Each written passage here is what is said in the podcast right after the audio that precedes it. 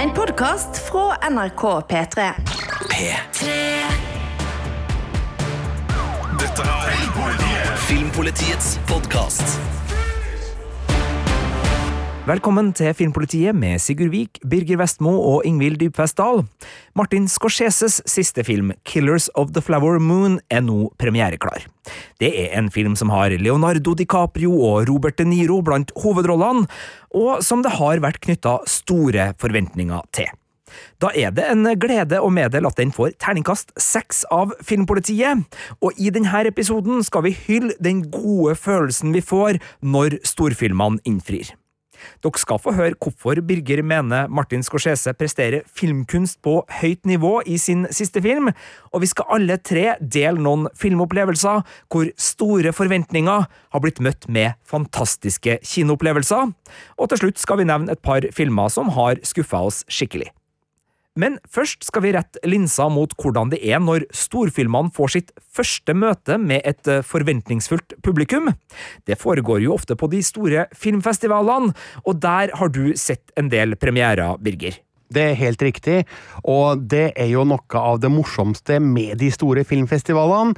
Nettopp det faktum at eh, etterlengta titler blir vist for aller første gang for oss som er i Berlin eller Cannes eller Venezia. Eh, og på en måte så er det jo litt den her følelsen av å være i et eksklusivt selskap da, som, som gjør det ekstra morsomt å være der. Men eh, mest av alt så er det jo da de store forventningene man har til store regissører som endelig kommer med sine nyeste verk, som vi kanskje har hørt om i flere år, og som da endelig skal vise hva de har greid å gjøre ut av det her. Og det er jo selvfølgelig veldig morsomt eh, hver gang eh, det viser seg å være bra, men så er det nesten desto mer skuffende hvis filmene ikke skulle innfri. Og spesielt når det gjelder Cannes-festivalen, så er jo kritikerne der eh, litt mer kritiske enn på andre festivaler. Så på en pressevisning der, så kan det godt eh, hende at man bryter ut i buing eh, og tilrop, eller eh, helt ukritisk applaus hvis man er virkelig imponert over det man har sett. Altså, der er det veldig lett å få følelsen av hvilken vei kritikken vil gå, da. Ganske umiddelbart etter visningsslutt.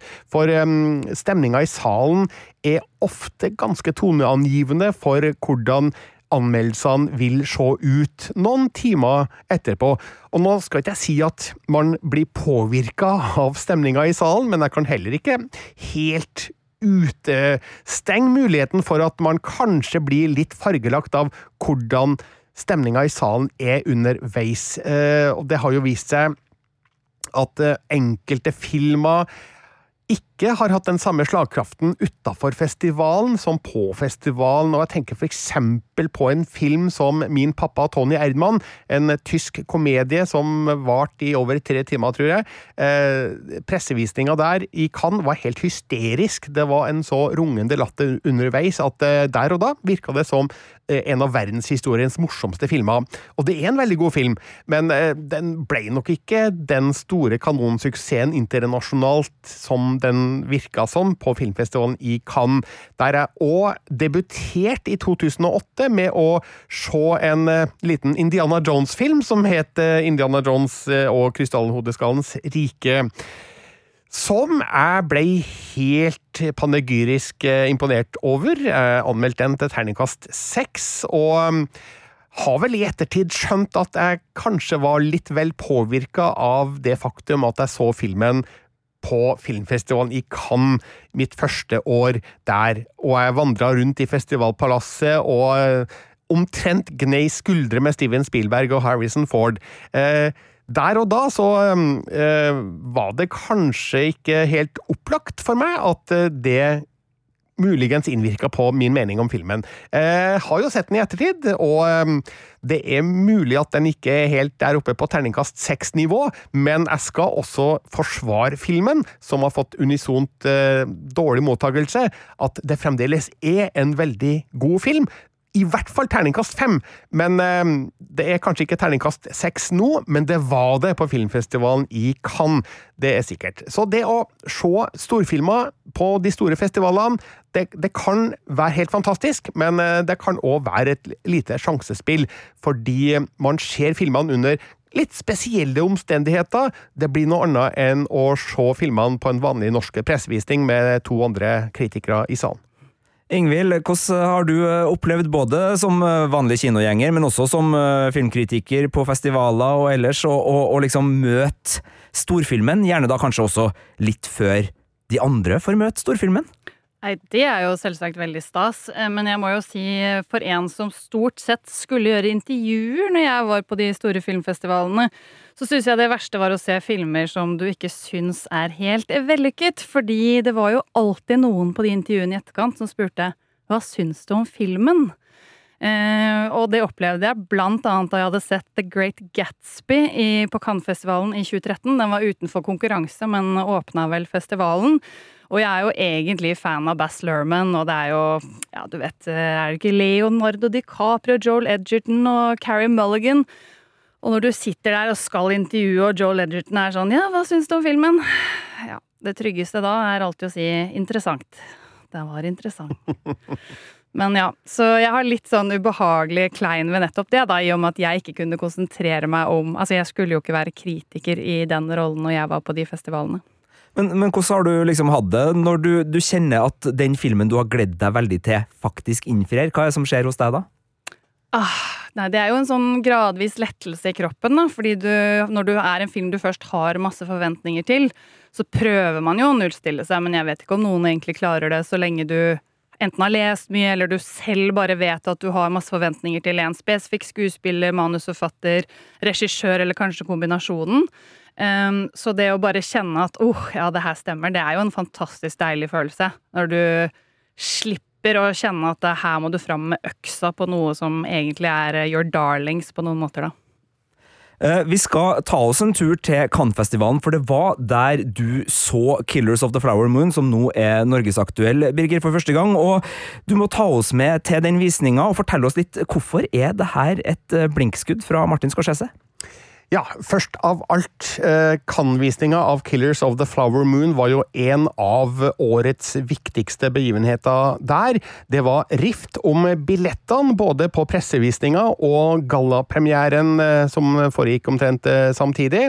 Jeg har jo heldigvis en såpass god akkreditering i Cannes nå etter hvert at billetten den var ganske sikra, men, men salen var stappende full av forventningsfulle journalister. Og forventningsfulle er man jo fordi filmen er regissert av Martin Scorsese. En av verdens største regissører. Mannen bak filmer som Mean Streets, Taxi Driver, Raging Bull og Goodfellas, bare for å nevne noen få av alle de store han har prestert i en karriere som har nå vart i over 50 år. Uh, og uh, han har jo blitt en eldre mann, men det virker jo ikke som at hans kreativitet uh, er på vei nedover. Tvert imot, for Killers of the Flower Moon er ja, en av hans beste filmer. Eh, skal ikke si at den rager høyere enn en Taxi Driver og Goodfellas, for eksempel, men eh, det er en ekstremt god film eh, som tar for seg en, eh, en, bit av amerikansk historie som nesten kan virke litt uh, uvirkelig i dag, men uh, det er faktisk da basert på en dokumentarisk bok der det handler om en rekke mord som ble begått i Osage uh, Country i Oklahoma på 1920-tallet. Der var jo da de aller fleste grunneierne um, urinnvånere. Uh, flere av dem ble myrda på mystisk vis, men de, ingen av de her drapene ble etterforska. Uh, og midt oppi det her kommer da krigsveteran Ernest, spilt av Leonardo DiCaprio, til området for å jobbe for sin rike onkel William, spilt av Robert De Niro. Han viser seg å ha en del planer for området, og, og eh, han har et ønske om å karte seg en del av rikdommen som området har å by på, da, av all olja som ligger i grunnen der. Eh, og han eh, gir jo da Ernest sterke hint om at han bør gifte seg med Molly, spilt av Lily Gladstone, som er en potensiell arving til noen store og verdifulle områder. Og så er disse drapene et bakteppe her, som eh, kanskje, eller kanskje ikke, har en sammenheng med, med det her. Eh, og det her skildres da i løpet av en historie på 3 timer og 26 minutter, og det høres jo fryktelig langt ut for de aller fleste. Men denne historien er så godt og solid fortalt, og den har så mange interessante aspekter og et så rikholdig persongalleri at det blir aldri kjedelig. Og en film på 3 timer og 26 minutter som aldri blir kjedelig, det er en god film.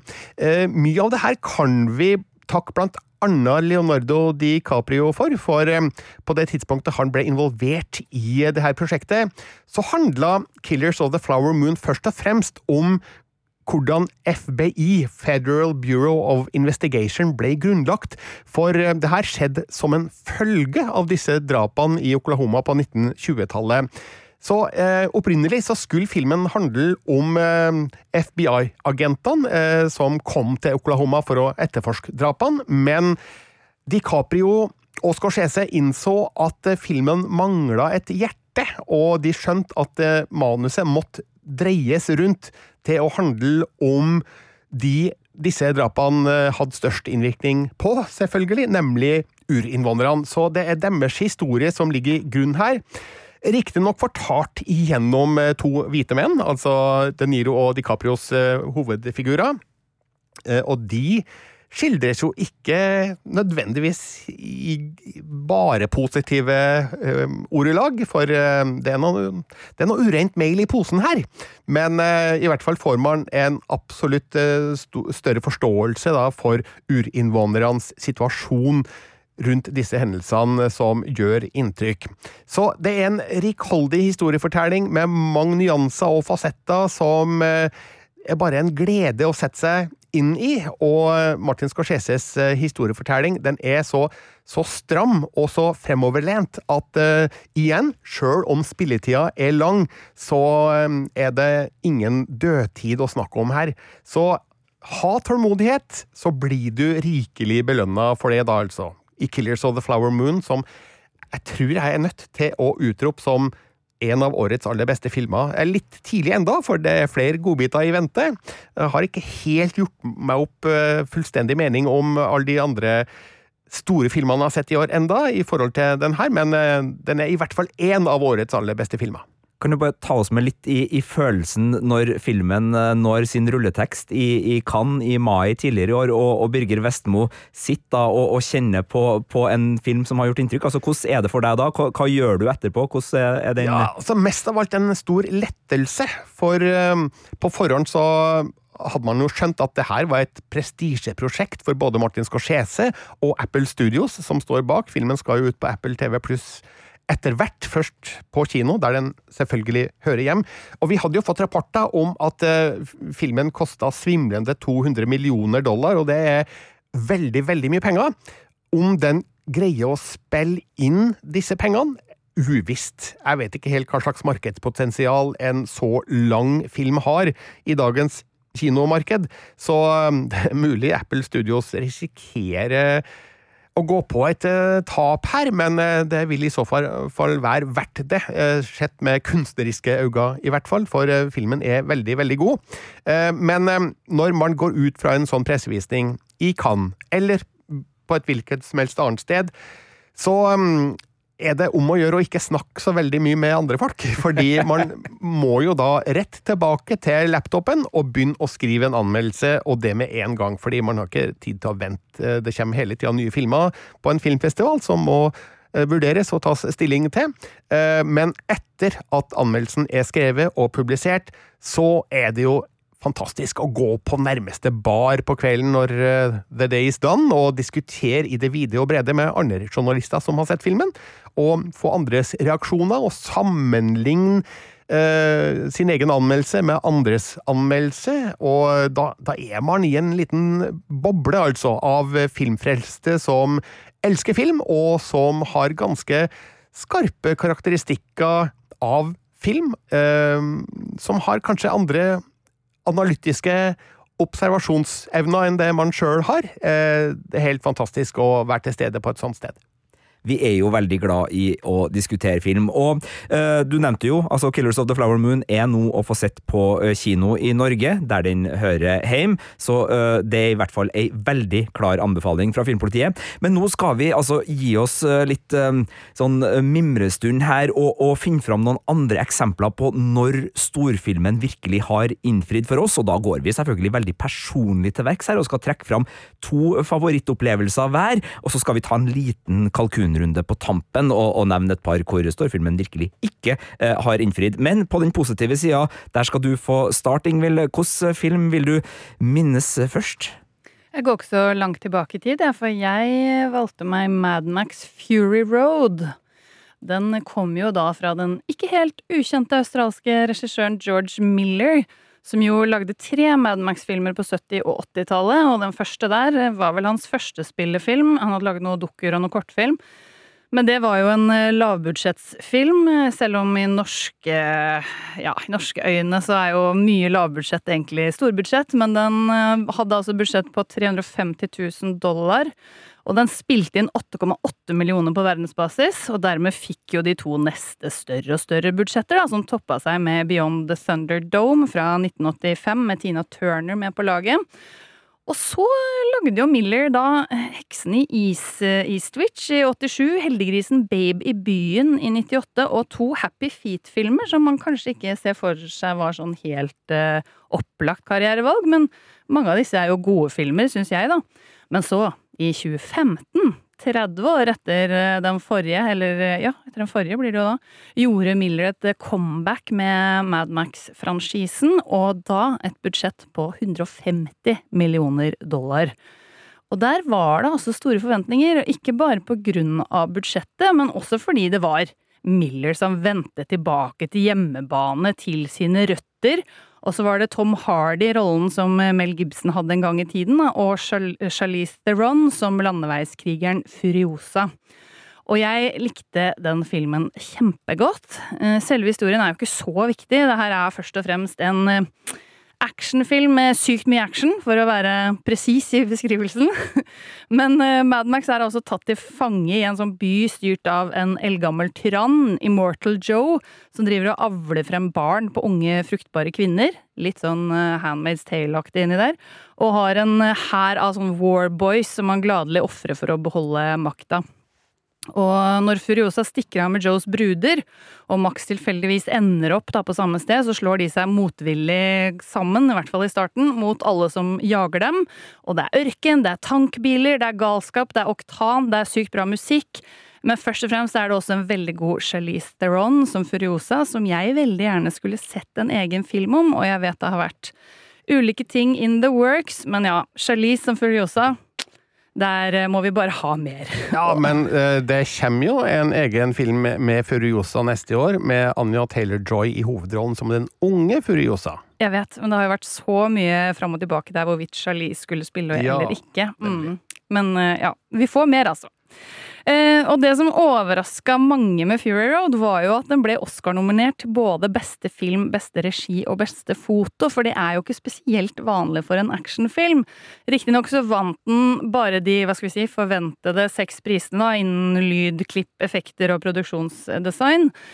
Men Fury Road endte opp med å spille inn 380 millioner dollar på verdensbasis, og den fikk også en femmer av Birger her. Eh, noe som sikkert var mye mer stas enn de 380 millioner dollar. Ja, ja jeg kan vel egentlig da innrømme at eh, denne femmeren, den var, den var kanskje i, i strengeste laget. Ja. Jeg lurer på om jeg kanskje burde ha gått et hakk opp der, men eh, jeg vet ikke om jeg turt. Eh, Husker ikke helt eh, hvordan tankegangen min var da. Når jeg leser anmeldelsen min, så, um, så kunne det godt ha stått en sekser på terningen på den. Vi kan uansett si at den filmen her, den innfridde i veldig mange ledd når eh, endelig Mad Max kom tilbake. Selv om jeg syns selve Mad Max, eh, Tom Hardy, ikke var så god, da. Der var vi vel enige, Birger. Ja. Men for dem som vil se, så skal Fury Road ligge på både Prime Video, Viaplay, HBO Max og TV2 Play, i tillegg til da kjøpe- og leietjenester. Det er en eh, veldig godt tips, og et godt minne da fra Ingvild om en storfilm som har innfridd, og eh, da godt eh, backet av Birger, som også hadde en eh, god opplevelse der. Eh, Birger, du skal få fortsette, og da tror jeg vi skal tilbake såpass langt i tid at du ikke nødvendigvis jobba som filmanmelder da du så denne filmen for første gang. Nei, det er helt korrekt. Eh, Året var 1991. Jeg var en ung, ung mann som jobba i en nærradiostasjon eh, på mitt hjemsted, Stjørdal. Men jeg var veldig interessert i film. Eh, Så veldig mange VHS-filmer hver eneste uke, og hadde da to år i forveien vært i London for første gang, der jeg oppdaga at det faktisk gikk an å kjøpe film på VHS. Det var ikke mulig i Norge på den tida. Der måtte man pent stille seg i videobutikken og leie en film, men Lever tilbake etter to dager, Det ferdig tilbakesport. Ja, altså, det var strengt. Ja, Ja. ja, ikke sant? Men, men i London i 1989, på en skoletur, eh, så oppdaga jeg at eh, der var det mulig å kjøpe VHS-film for en overkommelig penge. Det var jo helt fantastisk. Så jeg kjøpte jo da fire filmer eh, den gangen som har blitt, i hvert fall tre av de, vært toneangivende for eh, min del. Eh, det var da Robocop, eh, det var The Thing, og så var det en, en som het Gothic av Ken Russell, som jeg kjøpte fordi coveret var kult, men filmen var veldig rar. Den fjerde filmen det var James Camerons The Terminator fra 1984, som jeg ikke hadde sett. Jeg vet ikke hvorfor. Det var sikkert fordi jeg var for ung da den gikk på kino. Hvis den gikk på kino i Norge, jeg vet ikke. Den var kanskje totalt forbudt, for den var jo ganske voldsom eh, for sin tid, da, etter norske forhold i hvert fall. Men eh, den Terminator-filmen den så jeg om og om og om igjen da, de eh, åra som fulgte. Uh, syns den var helt fabelaktig. Det syns jeg fremdeles i dag. Det er jo en klassiker. Og så fikk jeg jo da nyss i at det skulle komme en oppfølger, Terminator 2 Dommens dag. Og da fikk jeg jo ekstremt lyst til å se filmen så tidlig som mulig, og da brukte jeg min posisjon som eh, nærradiomedarbeider til å kontakte den norske filmdistributøren. Eh, finne ut at de skulle ha en pressevisning noen uker før eh, norgespremieren, slik at jeg da tok nattoget til Oslo for å se Terminator 2 Dommens dag eh, i den lille kinoen hos den norske distributøren som vel var KF, Kommunenes Filmsentral, het de på den tida. Og det husker jeg jo veldig godt, da, og kom inn i den salen, og bare hele kroppen sto i spenn av eh, spenning og forventning, og eh, det var omtrent så jeg satt og skalv fordi jeg skulle se Terminator 2. Det var så stort å kunne se den filmen. Eh, ikke bare fordi at det var en oppfølger til en av mine store favorittfilmer, men fordi at jeg skulle få se den før alle andre. Det virka utrolig eksklusivt. Så mens jeg så filmen, så tenkte jeg at nå, nå, nå, nå må jeg slappe av her, for at jeg er så helspent at eh, får jeg med meg filmen egentlig? Og jeg vet egentlig ikke om jeg gjorde det, fordi eh, det var så Det var en så unik situasjon for den unge herr Vestmo å sitte der og se på det som skjedde på lerretet, at jeg nesten ikke greide å prosessere eh, filmen. Jeg måtte jo se den om igjen da den hadde norgespremiere, og jeg tror jeg så den to ganger til på kino. Eh, og det må man vel kun si var en film som virkelig innfridde. Det, det er vel kanskje få filmer som har innfridd så mye for meg som Terminator 2 Dommens dag gjorde i 1991. For ikke bare matcher den originalens eh, sci-fi actionblanding. Den overgår den og alle andre filmer som var produsert til da, og den dag i dag så er jo Terminator 2 Dommens dag et, et mesterstykke i sin sjanger, som eh, virkelig har en forbilledlig miks av eh, action og historie, og eh, personkarakteristikker som jeg tror kanskje kan være en, en, en mal for alle som skal lage en sånn type film den dag i dag. Og sjøl om jeg hadde visse jeg var litt skeptisk til at Arnold Schwarzeneggers T800-robotfigur nå plutselig skulle være helten i historien. Han var jo den store bad guyen da, i den originale The Terminator, men her snus det hele på hodet. Og eh, det var jeg skeptisk til, men det fungerer jo så utrolig bra. og det det forklares eh, på en genial måte i historien som gjør at eh, nei, men det her godtar vi. Og Robert Patrick kommer jo inn som en veldig god substitutt da, for bad guyen som Arnold var i den første Terminator-filmen. James Cameron har, uh, har jo virkelig da laga en film som uh, står fjellstøtt på sine egne bein, og er bedre på alle måter enn det den første var. Og det var jo også problemet til de påfølgende Terminator-filmene, da, at de ikke var Terminator 2, men det er jo en annen historie, da. Så nei, det er fremdeles, tror jeg, kanskje den beste oppfølgeren jeg har sett på kino. Uh, og da har jeg tatt uh, Gudfaren uh, 2 med i beregninga her. Jeg så jo ikke den på kino, da, men har jo sett den mange ganger. ja, det var vel det jeg hadde å si om Terminator 2, Judgment Day, som er så god at den omtrent kunne vært sluppet i dag. både når det gjelder fortellerstil og effekter. Og det her kan man se sjøl hvis man ser den på Netflix eller TV2 eller Viaplay eller Prime, for den er ute på alle de tjenestene der.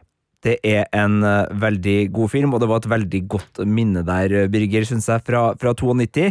Og, og, jeg vil da følge opp uh, med et lignende type minne noen Ja, det er vel en, en ti år etterpå vi, vi, skal nå, fordi da jeg var liten gutt, så leste jeg eventyrboka Jeg er liten gutt, jeg gikk vel på ungdomsskolen, men jeg leste eventyrboka til tolken Ringenes herre ganske mange ganger. Eh, jeg hadde også lest Hobbiten. Jeg syns det her var et veldig spennende univers. Jeg elska det her. Jeg syns liksom en, en tekopp og, og, eventyret om ringen og Frodo og Sam og Pippen og Munti som skulle på et stort og skummelt eventyr om å prøve å kaste en magisk ring i store, uh, skumle Mount Doom, det, det, var, det, var, noe som fascinerte meg, og, og det var også litt sånn kult status rundt det her, altså blant ungdommer som spilte rollespill og sånn. Altså Det var noe med Gandalf og gjengen som både var eventyr og litt kred.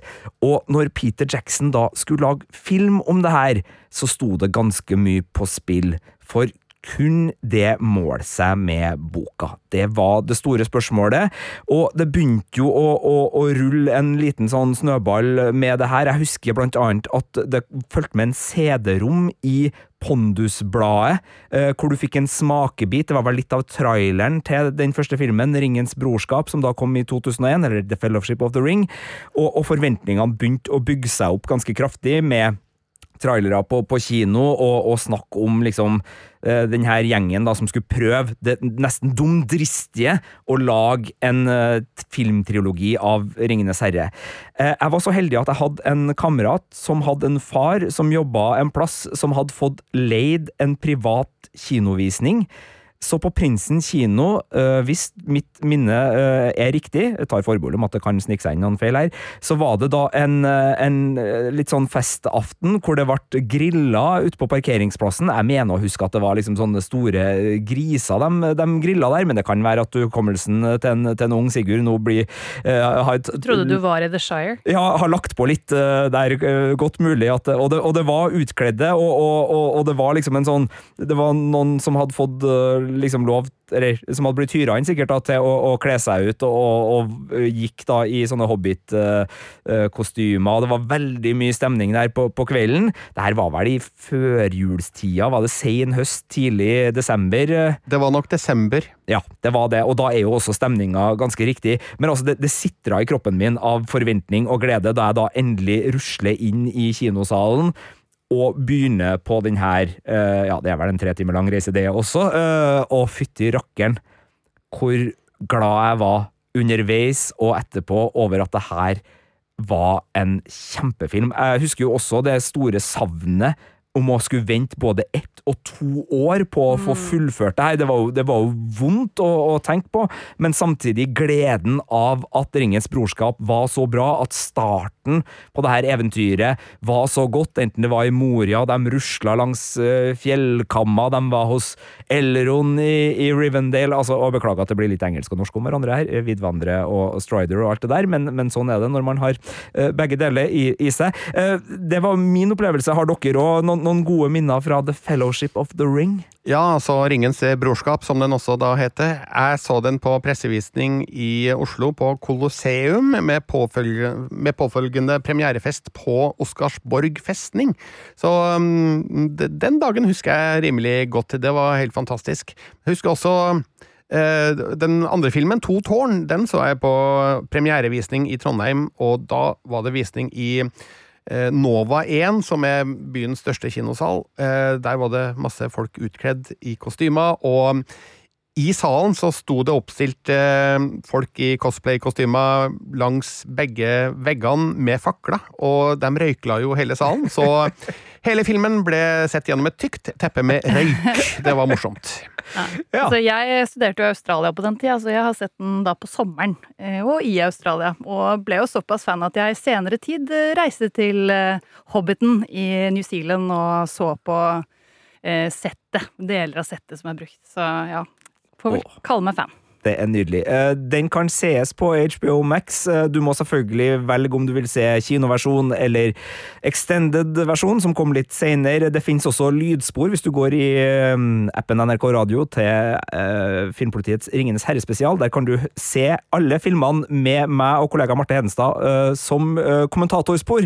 Hvis du ønsker det. Det var ikke noe, eh, er ikke noe tvang her. Men vi har mye om dem. Ja, jeg må bare skyte inn her at vi snakker jo mye om hvor den og den filmen kan ses på strømmetjeneste og sånt, men selvfølgelig så er det jo bare én måte å se film på hjemme. Det er på 4K UHD Blu-ray, eh, til nød på Blu-ray hvis du ikke har 4K-spiller. Dere hører det fra Birger Vestmo her. Eh, vi skal vel holde oss i, i litt nostalgiverden når du skal trekke fram den neste filmen, Ingvild? Jeg klarte jo ikke helt å dy meg, da, for det, det er jo ikke så lenge siden vi hadde en helt egen pod-episode om Titanic, fordi den filmen hadde 25-årsjubileum. Eh, Og den episoden kan folk finne under Filmpolitiet i NRK Radio hvis de vil det. Men filmen var også den første som falt meg inn når vi snakka om eh, storfilmer som eh, lykkes. For regissør James Cameron, som jo Birger har vært innom tidligere i denne episoden, han hadde jo flere suksesser under beltet da han bega seg ut på denne Titanic-ferden. Etter den braksuksessen han hadde med lavbudsjett Terminator i 1984, den kosta altså 6,4 millioner dollar og spilte inn 78 millioner dollar. Så kom Aliens i 86, The Abyss i 89, Terminator 2, som Birger sa, i 91 og Sanne løgner i 94. Og jeg gikk på videregående da eh, Titanic ble laga, og jeg husker at jeg leste flere saker i avisene om at Cameron sprengte budsjettet flere ganger. Eh, 200 millioner dollar skal den ha landa på, eh, og svært mange spådde jo at denne filmen kom til å synke kjappere enn skipet. Men ikke sant, det var jo disse suksessene i forkant, så det var masse forventninger. Og på den tida så hadde både Leonardo DiCaprio og Kate Winslet spilt i TV-serier og filmer. Begge hadde stigende stjerne, men ingen av dem hadde som stjernekraften til å redde en sånn gigant som det her. Eh, Men da filmen endelig kom i 1997, eller ble vi enige om at den kom til Norge over nyttår i 1998? Jeg tror det var februar 98 på, på norske kinoer. Ja. Og da gjorde jo den alle skeptikerne til skamme. Jeg så den jo to ganger på kino, og den, det tok tid å se den nå. Tre timer og 14 minutter, faktisk. Eh, ikke bare så likte folk historien om klassesamfunnet og romansen på denne skjebnesvangre ferden, men de elska jo også Leo og Kate, og de elska de dyre spesialeffektene som hadde sprengt budsjettet. Og Titanic har jo til nå spilt inn 2,26 milliarder dollar på verdensbasis. Det er vel med flere relanseringer og 3D-versjon og alt det der.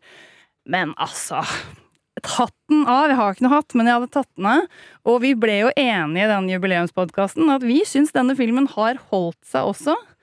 Eh, og hvis du eh, har lyst på et gjensyn, så kan den ses på Disney pluss, hvis du da ikke har den 4K-en som eh, Birger helst vil du skal se den på. Altså, Titanic eh, den er ikke utgitt på 4K enda, men den kommer snart. Ja. Bare å vente, altså. Det er en eh, kjempefin øh, ja. Jeg hadde jo ikke sett den før jeg så den i forkant av den podkasten vi spilte inn, og som du finner i, i appen NRK Radio, som er vår Titanic 25-årsspesial. Eh, Så jeg kan jo ikke påberope meg å ha gode forventninger innfridd da, men, men sjøl med 24 års oppbygging og forventning, så funka det, eh, eller det mitt første møte med filmen også ganske bra, så, jeg skriver under på at det er en meget sterk film. Eh, Birger, vi skal vel holde oss til en meget sterk film når du skal inn i eh, ditt siste tips her til storfilm som har innfridd? Ja, og den her er kontroversiell, vil jeg anta. Kanskje fordi eh, ikke alle har vært like begeistra for den som jeg var. Men jeg ble skikkelig glad da jeg så Star Wars The Force Awakens i 2015. Jeg ga den terningkast seks og skrev at det her er Star Wars-filmen jeg har drømt om.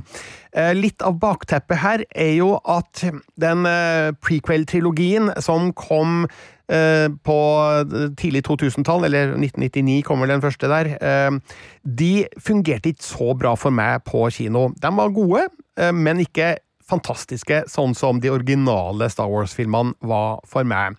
Jeg vet jo at mange av de som var barn da prequel-trilogien kom, kanskje liker de filmene bedre enn de originale fra 1977 til 1983, men eh, det her er vel en sånn generasjonsgreie, tror jeg, og hvilke filmer så man først når man sjøl var liten? Eh, Men da jeg så The Force Awakens, så fikk jeg følelsen av, å være tilbake til de originale filmene, og det er jo kanskje ikke så rart, da, i og med at eh, The Force Awakens i bunn og grunn er en remake av eh, A New Hope, eh, altså den første filmen, bare med et eh, litt fornya persongalleri. Men jeg likte jo veldig godt eh, de figurene vi ble introdusert for her, da, altså Ray, spilt av Daisy Ridley, Finn, spilt av John Boyega, og Poe Dameron, spilt av Oscar Isaac. Samtidig som vi fikk Adam Driver inn da som en eh, fabelaktig Kylo Ren, en figur jeg syns holdt seg gjennom alle de tre filmene. Mens um, de andre, altså spesielt da Finn og Poe Dameron, fikk vel ikke helt den behandlinga de fortjente i de to siste filmene i den nye trilogien. og mm, Hele trilogien har jo fått mye kritikk fordi det virker som at eh, Disney og Lucasfilm ikke hadde en overhengende plan for de tre. Ryan Johnson laga jo en helt annen type Star Wars-film i The Last Jedi, og så kom JJ Abrams eh, tilbake for å prøve å redde stumpene, da, eller prøve å ja, eh, ta tilbake litt av spiriten fra The Force Awakens i den siste filmen. Så hele trilogien sett under ett var jo ikke helt eh, vellykka som helhet, men jeg syns fremdeles at The Force Awakens eh, som enkeltstående film var fabelaktig bra. Den har all de eh, verdensbyggingsgrepene som vi elsker fra Star Wars-universet. Den har en god miks av eh, nye elementer og gamle, gjenkjennbare ting når det gjelder både figurer og romskip og verdener. Så um, jeg rater fremdeles den her veldig høyt. Eh, Den originale trilogien er fremdeles eh, best, og så hvis vi skal ta inn Rogue One nå, da, av Star Wars Story, så er den kanskje på en tredjeplass bak Imperiet slår tilbake og den første Star Wars, A New Hope, mens Return of the Jedi kanskje et lite hakk bak Rogue One igjen. Men bak der er The Force Awakens ganske trygt plassert for min del, da. Eh, Så jeg var så glad da den filmen var ferdig, at jeg gikk rett ut og laga en liten eh, Twitter-snutt, eh, der jeg ga mine Jeg hadde vel ikke lov til å anmelde den på det tidspunktet, men jeg ga vel et, fra meg et stort glis og et wow, som bare var en indikasjon, i hvert fall da, på den anmeldelsen da jeg jeg begynte, begynte å skrive ganske kjapt eh, etterpå. Terningkast seks. Jeg står fremdeles for den, altså. Eh, vet at meningene er delte, men eh, filmen ga meg en terningkast seks-følelse, og det måtte jeg jo ta hensyn til da anmeldelsen skulle skrives. Da har vi kommet til eh, mitt siste, og det siste, eh, av eh, storfilmer som har innfridd i, i denne omgangen, og da skal jeg nok en gang tilbake til ei bok jeg hadde veldig stor glede av, og som skapte store forventninger. Eh, Her også hjulpet av noen filmforsøk som ikke hadde gått helt etter planen. Fordi Frank Herbert sin eh, store, episke science fiction-roman Dune fra 1965. Det er ei veldig god bok, eh, så kompleks i handlinga at jeg skal ikke prøve engang å gi noe handlingsreferat her, men det handler om eh, noen unge helter og noe familiesaga og noe krydder og noen store ormer på en ørkenplanet og noe greier og noe greier. Og det her er jo episke greier som uh, Jodorowsky en meget ambisiøs Alejandro Jodorowsky, en meget ambisiøs regissør, skulle prøve å lage film av på, på 70-tallet. Eh, den er en uh, gigantisk film som aldri ble noe av. Det er laga en dokumentar om Jodorowskis Dune som jeg anbefaler på det varmeste, for her var det altså en pengebruk og et ambisjonsnivå som var helt vanvittig. Både med Salvador Dali og, og Mick Jagger og andre på rollelista, konseptart uh, og, og, tanker om science fiction som, sjøl om det ikke ble noe av den filmen her, blødde ut i andre filmunivers og virkelig har vært med og, og prega science fiction-sjangeren i etterkant.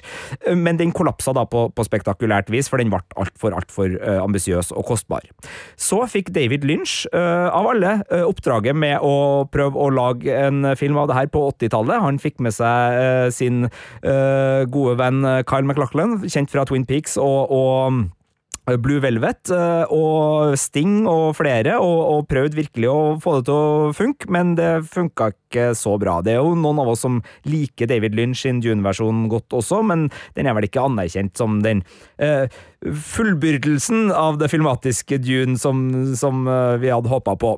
Derfor så var det jo veldig spennende når Dennis Villeneuve uh, nå for noen år siden gjøyv løs på det her gigantprosjektet og skulle lage sin versjon av Dune.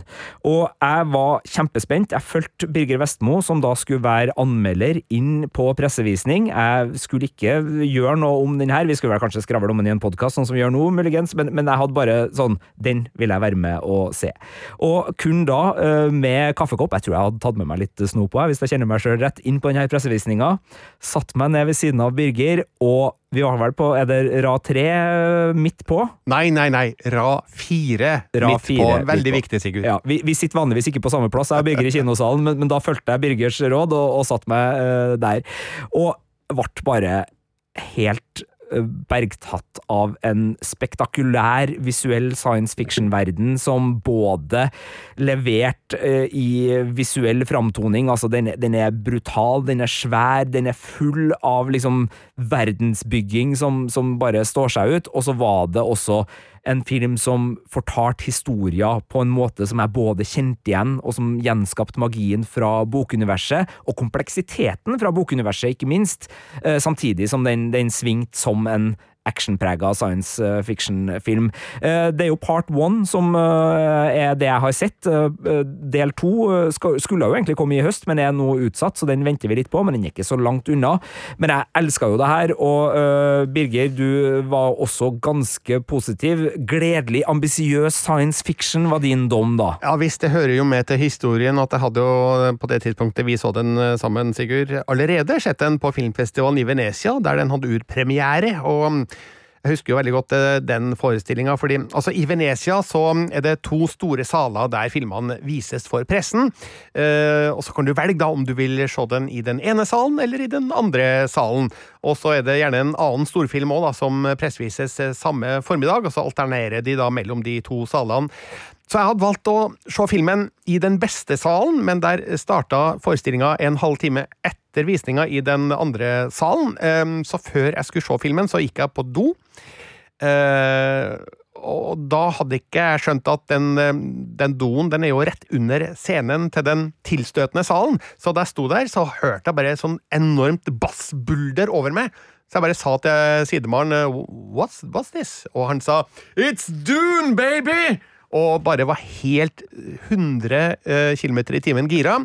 Eh, og sjølve forestillinga var jo helt fantastisk, og da med et eh, lydtrykk og en visualitet uten like. Så det var òg en av de store festivalopplevelsene for min del, og det var jo helt åpenbart at eh, Dune hadde kvaliteter som var åpenbare og store og fantastiske og deilige, og det måtte jo min anmeldelse også da gi uttrykk for. Ja, eh, og det her var vel uh, i en tid hvor eh, kino hadde vært litt vanskelig å få gått på, uh, så det kan jo også hende at det hadde litt med, med saken å gjøre, at man var litt sultefòra på Ja. de, de store, mektige, gode sci-fi-opplevelsene, men det var i hvert fall med å gjøre det her til en av de filmene jeg først tenkte på når temaet, når storfilmen innfrir, dukka opp hos oss. Den er å få sett på HBO Max, og selvfølgelig på 4K eh, Blu-ray, ja. hvis man er ønsker det. Det var seks filmer som har innfridd, men jeg tenkte vi må runde av det her med å, å være litt uh, strenge og litt uh, filmkritikere, og ta en kjapp runde med én hver uh, på storfilmer som overhodet ikke har innfridd, og som har gitt oss motsatt følelse. Ingvild, du skal få starte der med mm, når storfilmen skuffer. Ja, da har jeg valgt meg ut Suicide Squad fra 2016. For da den skulle komme, så var jo jeg langt fra mett på superheltfilmer som jeg begynner å kjenne meg nå i våre dager. Eh, Og dette skal jo på en måte være DCs humørfylte revansje, og den hadde David Ayer på regi og et rollegalleri eh, mange, deriblant meg, trodde på. Jared Leto som Joker, Margot Robbie som Harley Quinn, Will Smith som Deadshot og svenske Joel Kinnaman som Rick Flagg. Men ja, så gikk det som det gikk. Birger ga altså en treer på terningen og kalte det kjedelig og humørløst effektfyrverkeri og en bortkastet mulighet. Budsjettet var altså på 175 millioner dollar, og den spilte inn 749 på verdensbasis. og Sånn sett så ga den jo penger i kassa, men eh, samtidig, for meg, var det en stor skuffelse. Heldigvis så kom jo The Suicide Squad fra James Gunn i 2021, som jeg syns var mye bedre, eh, men som spilte inn litt eh, færre penger. så den ble økonomisk en flopp. Det eh, ble den. Eh, Den kan jo sees på HBO Max eh, hvis man likevel har lyst til å trosse Ingvild og Birgers råd. Da.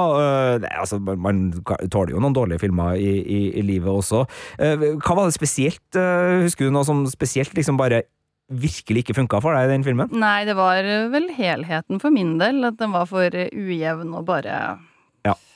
ikke innfridde det jeg så for meg. Jeg husker ikke den engang. Så det er vel eh, egentlig en eh, oppsummering av dens manglende eh, kvaliteter i, i så måte. Birger, en skikkelig, skikkelig skuffelse fra deg? Ja, i hvert fall akkurat når jeg så den, men jeg har fått et mye bedre inntrykk av filmen etterpå, så jeg vet ikke om jeg egentlig har løst arbeidsoppgaven min her nå, men Ja, vi får altså, se. vi skal, til 19, vi skal til 1992.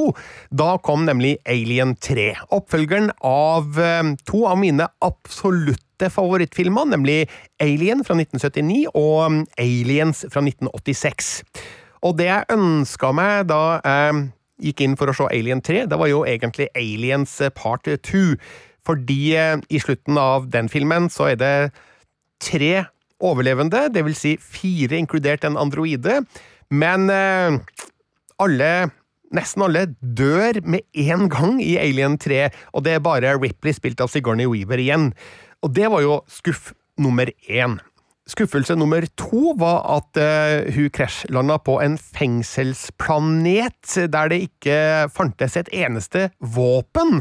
Og det fikk jeg jo litt eh, ståpels av eh, i negativ forstand, da, fordi var det noe aliens var god på, så var det våpen. Jeg hadde jo ønska flere gunnere, mer bang-bang og større eksplosjoner. Eh, Og så kommer man da til et sted der de må klare seg helt uten et eneste våpen.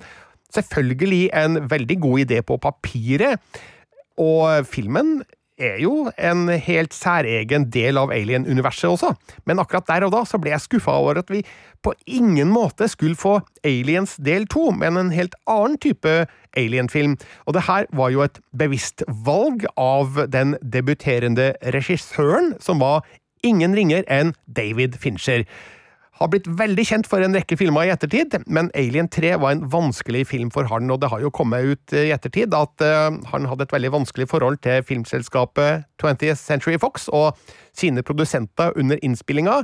Eh, det, var, det var mange kokker som skulle lage denne matretten, og eh, han fikk ikke lage den filmen som han ville, og har jo da siden tatt avstand fra Alien 3 på grunn av det. Eh, Det kom riktignok en, en eh, revidert versjon da i 2003 på, på DVD, som også finnes på Blu-ray, som heter The Assembly Cut, som skal ligne mer på David Finchers opprinnelige visjon. Han var sjøl ikke involvert i den prosessen, så jeg vet ikke om vi noen gang får en ekte director's cut av Alien 3, men eh, den gjorde i hvert fall ting som forbedra historien i Alien 3. Men som sagt, jeg har jo da i ettertid fått et mye mer positivt syn på filmen. Det er en veldig god film isolert sett. Den bare er så ulik de to første Alien-filmene at eh, da den hadde premiere på kino, så var det vanskelig for meg å godta den da som en ekte del av eh, Alien-universet. Du skal få muligheten til å, å stå på oppgaven eh, ved å besvare følgende oppfølgingsspørsmål, Birger. Eh, Hva eh, sa en relativt ung Birger Vestmo da han gikk ut av kinosalen etter Alien 3, som oppsummerte hans inntrykk der og da? You fucked it up! Bestått, Birger Vestmo. Alien 3 kan ses på Disney pluss, men hvis man skal lete fram den versjonen som er best, hva, hva sa du at den het? Altså, den går under navnet Assembly Cut, og den er utgitt på, på Blu-ray i hvert fall. Det er en mulighet der. Eh, Den siste filmen ut i eh, ikke uh, forventninger innfridd-runden er, er et lite stykke Norge, skapt av en svensk regissør. Den var på topplista over filmene vi i Filmpolitiet gledde oss til i 2017. Ganske høyt oppe, en sjetteplass der, tror jeg. Og det var det jo ganske gode grunner til, fordi Snømann, eller The Snowman, som den også da heter, den hadde jo en del kvaliteter som skapte forventning. For det første så hadde jo allerede da nevnte David Fincher uh, gjort en ganske god jobb med nordisk noir på uh, blockbuster Hollywood-vis med The Girl with the Dragon Tattoo. Eh, nordisk noir som sjanger var fremdeles eh, Altså, det var ikke noe nytt og spennende, men, men det var fremdeles noe vi tenkte kunne foredles av Hollywood. Altså, vi hadde hatt Broen, vi hadde hatt Forbrytelsen, vi hadde hatt flere kjempegode serier, eh, og, og, og det å liksom kunne koke ned essensen av den nordiske noiren, basert da på en av Jo Nesbøs gode bøker om Harry Hole. Det virka som en veldig god idé, og så tror jeg nok det vi gledde oss aller mest til, og som vi nevner også i denne topplistebiten eh, med, med hvorfor vi, vi gleder oss, det var jo at eh, Thomas Alfredsson, som hadde imponert oss sånn, både med La den rette komme inn, og ikke minst Tinker Taylor Soldier Spy, eh, skulle være regissør, og vi skriver her i, i vår listesak det er vanskelig å tenke seg at Thomas Alfredsson skal rote bort denne muligheten. Uh, ja, Uh, Michael Fassbinder, uh, Wall Kilmer, Rebekka Førgusson altså det var masse kjente navn på rollelista. Eh, det, det, det virka veldig lovende, det her. Vi hadde fått avisdekning som tilsa at eh, Fassbinder satt på Skrøders i Oslo og spiste, akkurat som Harry Hole. Ting skulle være riktig. Uh, spol fram til etter pressevisning, uh, Filmpolitiets dom. Ikke min Harry Hole, terningkast to fra Marte Hedenstad, uh, og jeg var helt enig. Altså, det her var en mislykka krimfilm. Ja, jeg så den i London fordi jeg skulle gjøre intervjuer med Michael Fassbender og de andre fra filmen, og eh, hadde en visning der, og hjertet sank etter ca. ti minutter, fordi det ble ganske fort tydelig at eh, ja, det her fungerer ikke. Det her er bare rart, og du får ikke den atmosfæren fra Jo Nesbøs bøker som lesere har blitt så glad i, og da jeg intervjua Fassbender og Rebekka Fergusson og Thomas Alfredsson, så i ettertid, i ettertid så har jeg liksom tenkt at eh, jeg, jeg tror jeg kanskje skjønte på dem sjøl at eh, det her ble kanskje ikke så bra. Jeg spurte blant annet Fassbender om han kunne tenke seg å spille Harry Hole hvis det kom flere filmer, eh, og han bare sa of course, I love to play him. Og, men jeg tror kanskje at han løy, fordi eh, dette kan jo ikke ha funka bra under innspillinga heller. De må jo ha skjønt at eh, Nei, nå er vi på ville veier her. Ja, altså jeg husker jo, jeg, jeg intervjua Thomas Alfredsson også eh, like før filmen kom, og han eh, sa jo da sitat eh, det er jækla vanskelig å lage film av bok. Han mener det å lage film fra bok er som å lage maleri av en LP-plate. Eh, og han fikk jo også regijobben etter at eh, Scorsese hadde sagt fra seg denne filmatiseringen. Og han sa også at han var den fjerde regissøren som var inne i bildet. Jeg husker at han ga uttrykk for at eh, dette var liksom ikke hans verk, da. At han følte ikke at det, det var noe han kunne stå innenfor. Nei, Det var også sitater på at ca. 10-15% av uh, screenplay uh, ikke ble filma. Så det er jo mange historier rundt den produksjonen her som tilsier at det kanskje ikke var en gunstig produksjon. Wall Kilmer sjøl slet jo også med uh, følgene av det en, en, kreftoperasjon han har hatt, som gjorde at han måtte dubbes, og dermed ikke skulle snakke noe særlig foran kamera. Så det var jo flere litt sånn handa bak ryggen-kamper denne filmen måtte ta, men det endrer jo ikke resultatet. Det var ikke en god film, og for meg som hadde veldig store forventninger til det her, fordi jeg er såpass glad i, i krim og nordisk noir som jeg er, eh, så var det en av eh, de første store skuffelsene jeg kom på når vi skulle, skulle ta en liten sånn avrunding her for å ikke glemme at vi er filmkritikere, og ikke bare uh, være nostalgiske uh, gledesspredere, selv om det var det artige med den praten her. De filmene som faktisk har innfridd våre store forventninger. Det er altså fullt mulig å sette seg ned og se et knippe veldig gode filmer etter du har hørt den praten her. Det er godt mulig det er gjensyn, for det her er jo ganske kjente og kjære titler. Hvis ikke, så har du i hvert fall fått noen gode tips der, pluss noen filmer som du eventuelt kan styre unna hvis du ikke ble nysgjerrig likevel, da. Så det var det fra Filmpolitiet. Tusen takk for oss. En podkast fra NRK. Hei, jeg heter Ingrid Waaler. Synes du Love Island er mer interessant enn Premier League? Ingen kommentar. Da er trash noe for deg. I'd like to know what's going on between Carly Kloss and Taylor Swift. Hver uke inviterer jeg deg og en gjest til å menge oss i all den deilige søplete popkulturen som finnes der ute. How do you know what's good for me? That's my opinion! Hør Trash i appen NRK Radio.